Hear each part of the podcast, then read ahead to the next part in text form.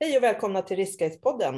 Eh, den här podden syftar ju till att prata lite grann om eh, riskhantering och hur riskhantering, förutom att det ju är en nödvändig syssla, också kan vara enkel och roligt.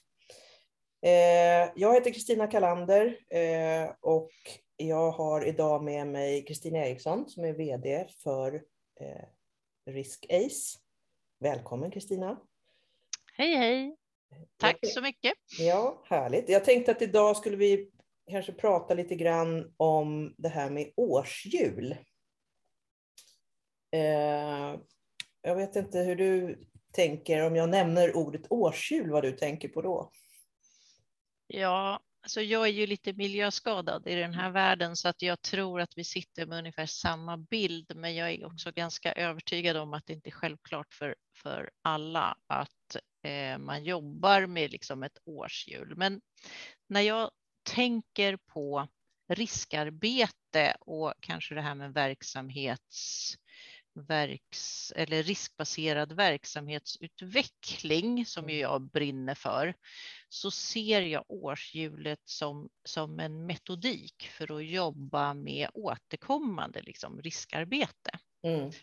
Och i den kanske jag tänker att man planerar upp sitt riskarbete över året så att man inte gör allt jobbet eh, vid samma tillfälle. Eller framför allt så har man en möjlighet att kanske inte bara sprida på på själva arbetet med alla analyser och så, utan också att samordna det och även ge någon typ av framförhållning till folk som både ska delta i analyser, men sen framför allt eh, att de ska få en chans att jobba med sina åtgärder.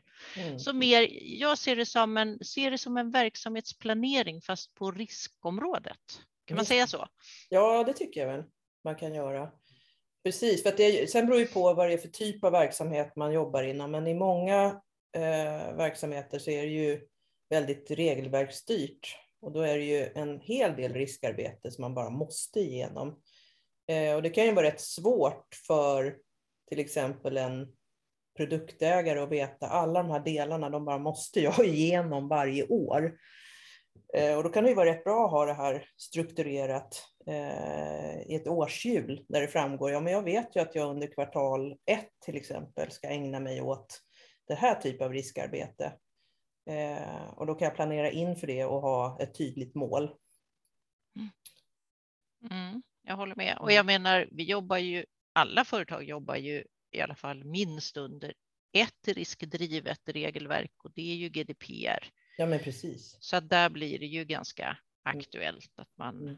Inte nog med att man ska riskanalysera alla sina förändringar och nyheter. Du är ju mm. faktiskt tvungen att gå igenom dina riskanalyser eller dina behandlingar i det här fallet mm. eh, minst någon gång per år. Mm. Då är det nog ganska bra med den här typen av planering. Det tror jag absolut. Ja, precis, för där är det, det är ju väldigt omfattande. Du har ju bara avtalsgenomgång med alla personuppgiftsbiträdesavtal till exempel. Som mm. påverkas om man har en, en mängd avtal ute i verksamheten. Eh, ja. Så att det här är ju ett bra sätt tror jag att kunna strukturera upp sitt arbete verkligen och kunna planera sin tid, styra sin tid. Ja, absolut. Och, det, och som sagt, det gäller ju inte bara eh, GDPR utan, utan allt riskarbete. Även om du gör det utan regelverk så tror jag att det är vettigt att och köra en, en planering. Ja, men verkligen. Men vad ser du för, för fördelar då med, med årshjulet? Du som på något vis ändå är års, årshjulets drottning, så ska jag väl inte säga. Men, ja. men eh, du och jag har ju pratat årshjul mycket. Ja, men precis. Vad är de stora fördelarna? Jag kan ju tycka dels är det ju då att, att du får en bra struktur eh, med den här metodiken. Du kan visa eh, ledning och styrelse att det är det här vi, vi jobbar med och det är det här vi kommer att avrapportera under året. Eh, så det är väl en del som jag tycker är, positiv. Eh, sen tycker jag också är en fördel om man nu är flera olika funktioner eh, som jobbar med olika typer av riskhantering, att man samordnar sig och pratar ihop sig om det här årshjulet. Så att man då kan sätta upp en struktur för att sedan få ut i övriga verksamheten så att övriga verksamheten då kan planera sin tid och sitt riskarbete.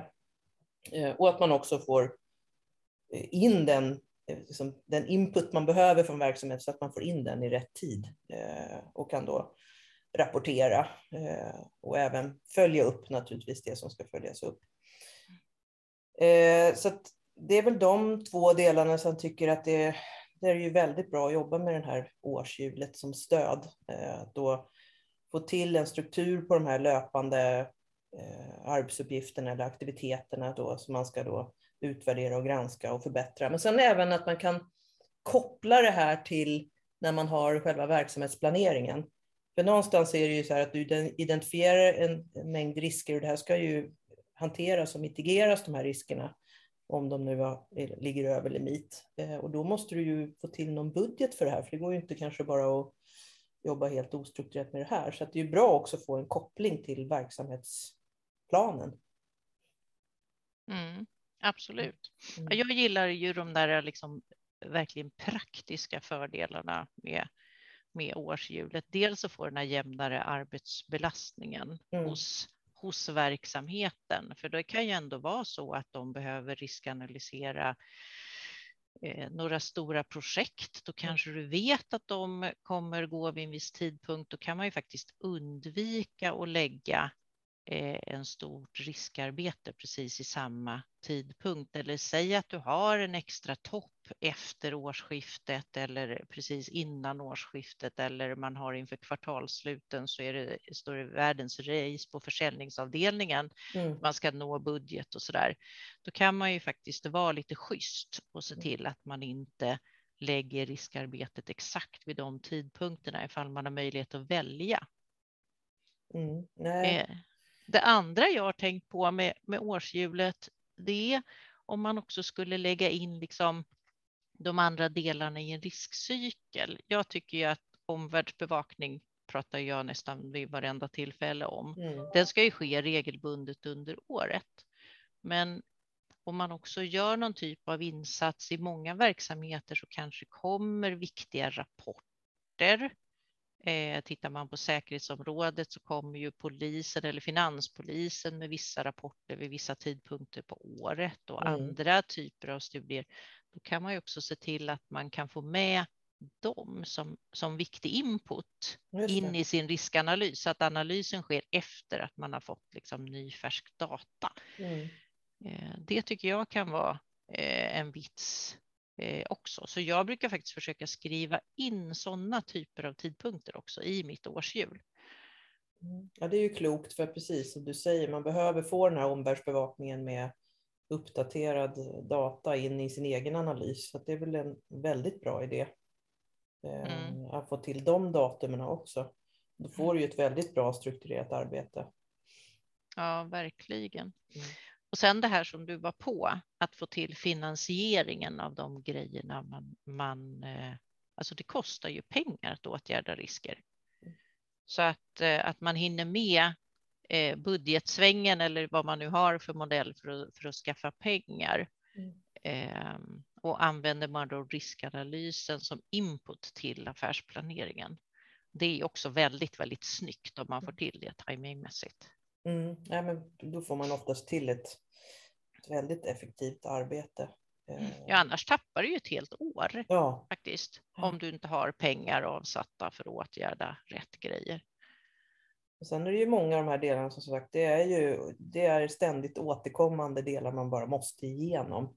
Eh, och det är ju bra då att veta att man, man har det här i årshjulet, eh, man gör det här arbetet, man ser till att man har en bra basnivå på de här delarna. Eh, det underlättar ju sen också när man ska vidareutveckla i verksamheten. Du har redan en basnivå på plats och då det liksom, går det snabbare sen när du ska göra, lägga på saker uppe på den här basnivån, göra nya saker. Och när du säger basnivå, vad tänker du då? Ja, men jag tänker att man, som sagt, det beror ju ändå på vilken verksamhet man jobbar inom, men det finns ju vissa delar som, som, som en hygiennivå man behöver ha i sin verksamhet eh, mm. med riskarbete. Mm. Eh, som vi tar GDPR till exempel så ska du ju ha vissa, ja, men ta de här eh, pubavtalen då, till, som du måste se över varje år. Mm. då är det bra att ha gjort det där så att man har de här delarna på plats. Eh, mm. Istället för att man kanske glömmer bort att göra vissa delar för att du inte har planerat in det.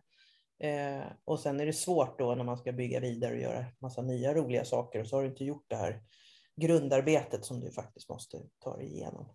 Ja, jag håller med. Mm. Och sen om du dessutom inser så här, nej, nu är det inte gjort i tid.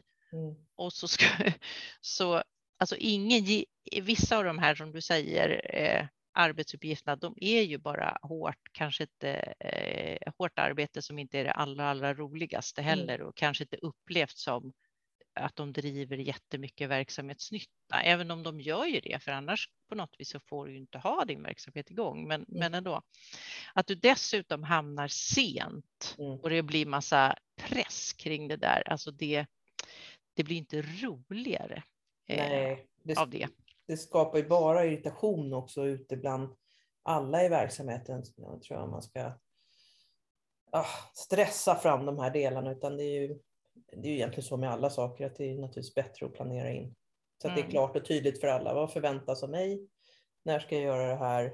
Eh, jag kan styra över min egen tid, för jag vet att det här måste göras eh, under det här kvartalet.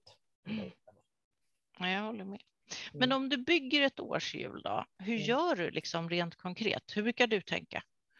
jag brukar ju som sagt först och främst att man har det här samarbetet med andra funktioner det beror ju på lite grann. Om det är saker som ska tryckas ut i verksamheten, då behöver man ju verkligen ha det här samarbetet med andra funktioner. Så att inte alla kommer att säga januari ska ni göra, vi ska hämta in input från, från verksamheten på alla de här områdena. Det kommer ju inte fungera. Eh, det blir övermäktigt för alla. Ehm, så den är ju bra att kunna planera in. Men sen, sen är det lite som du sa där med till exempel omvärldsbevakning. Man vet ju att för vissa saker som man behöver göra, riskbedömningar, så behöver du en input eh, från omvärldsbevakningen. Och då behöver du ju vänta in eh, vissa rapporter som kommer. Eh, så då är det också bra att ha en, en, en sån planering. Eh, och sen är det ju om man tänker efter, om jag nu vill ge eh, styrelsen och ledningen en bra riskbild, när passar det bäst i tiden att de får den här riskbilden? Kopplat till då eh, beroende på hur det ser ut naturligtvis i den här riskbedömningen som ska presenteras för dem. Men säg att det är många åtgärder som måste göras.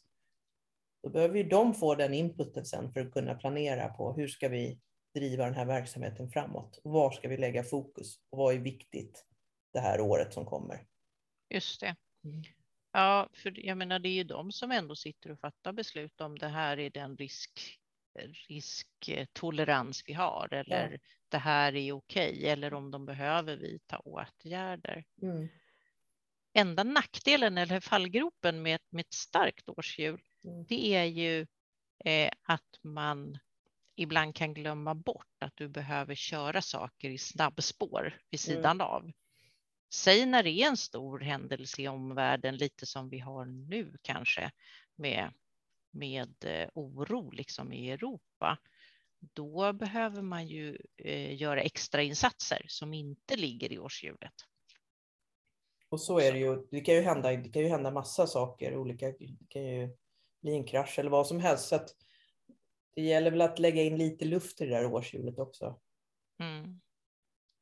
När jag tänker på årshjul, så här, jag sitter här och det ser ju liksom inte alla som lyssnar. Men jag sitter mm. här och ritar en sån här rund liksom, mm. cirkel när jag ska visualisera det här för mm. organisationen. För det är ju ganska bra att man liksom på något vis säger så här ser årshjulet ut nu för för säkerhetsfunktionen, kanske informationssäkerhetsfunktionen och mm. internrevision och externrevisorer och allting. Om man har lyckats samla det där, då brukar jag göra en PowerPoint bara med som är kvartalsindelad som ser ut lite som ett hjul. Just. Eh, ja, en, en rund som jag delat upp i fy, fyra liksom, eh, delar, en för varje kvartal och sen skriver jag in vad ska hända inom varje kvartal i den. Det blir jätteöverskådligt, liksom, pedagogiskt för den som ska, ska se. Ja, och där brukar jag också skriva liksom här ska det gå en rapport till styrelsen till ja. exempel så folk förstår varför man gör saker och så där. Ja. Eh, till det, men jag menar det funkar egentligen lika bra att bara lägga in den i en Excel med månader i. om man skulle vilja ha det enklare. Liksom. Ja. Så eller man hur? Det är väl det som passar bäst för ens egen verksamhet, tänker jag. Eh, Men om man har, jobbar i stor verksamhet då kan det ju vara bra att skicka ut. Om du då har det där årshjulet i ett riskhanteringssystem till exempel så kan det gå ut automatiska påminnelser. Nu är det dags. Eh, Mm. Nu ska det lämnas input på det här riskarbetet eller nu ska, nu ska det göras det här riskarbetet eller nu kommer någon från någon riskfunktion eh, för att utföra ett riskarbete. Just det. Nu kommer de. Nu kommer de. det är ju inte helt sällan som man får liksom den reaktionen, Nej. men ändå. Om folk är förberedda så blir det ju jättemycket enklare. Ja. Absolut. Ja. Mm. Mm. Jag satt och tänkte på en, en annan grej som jag tror kan vara ett, ett smart liksom, tips och det är väl att man det är lite som du sa det här med basnivån, att man också har en basnivå på sin dokumentation. Mm.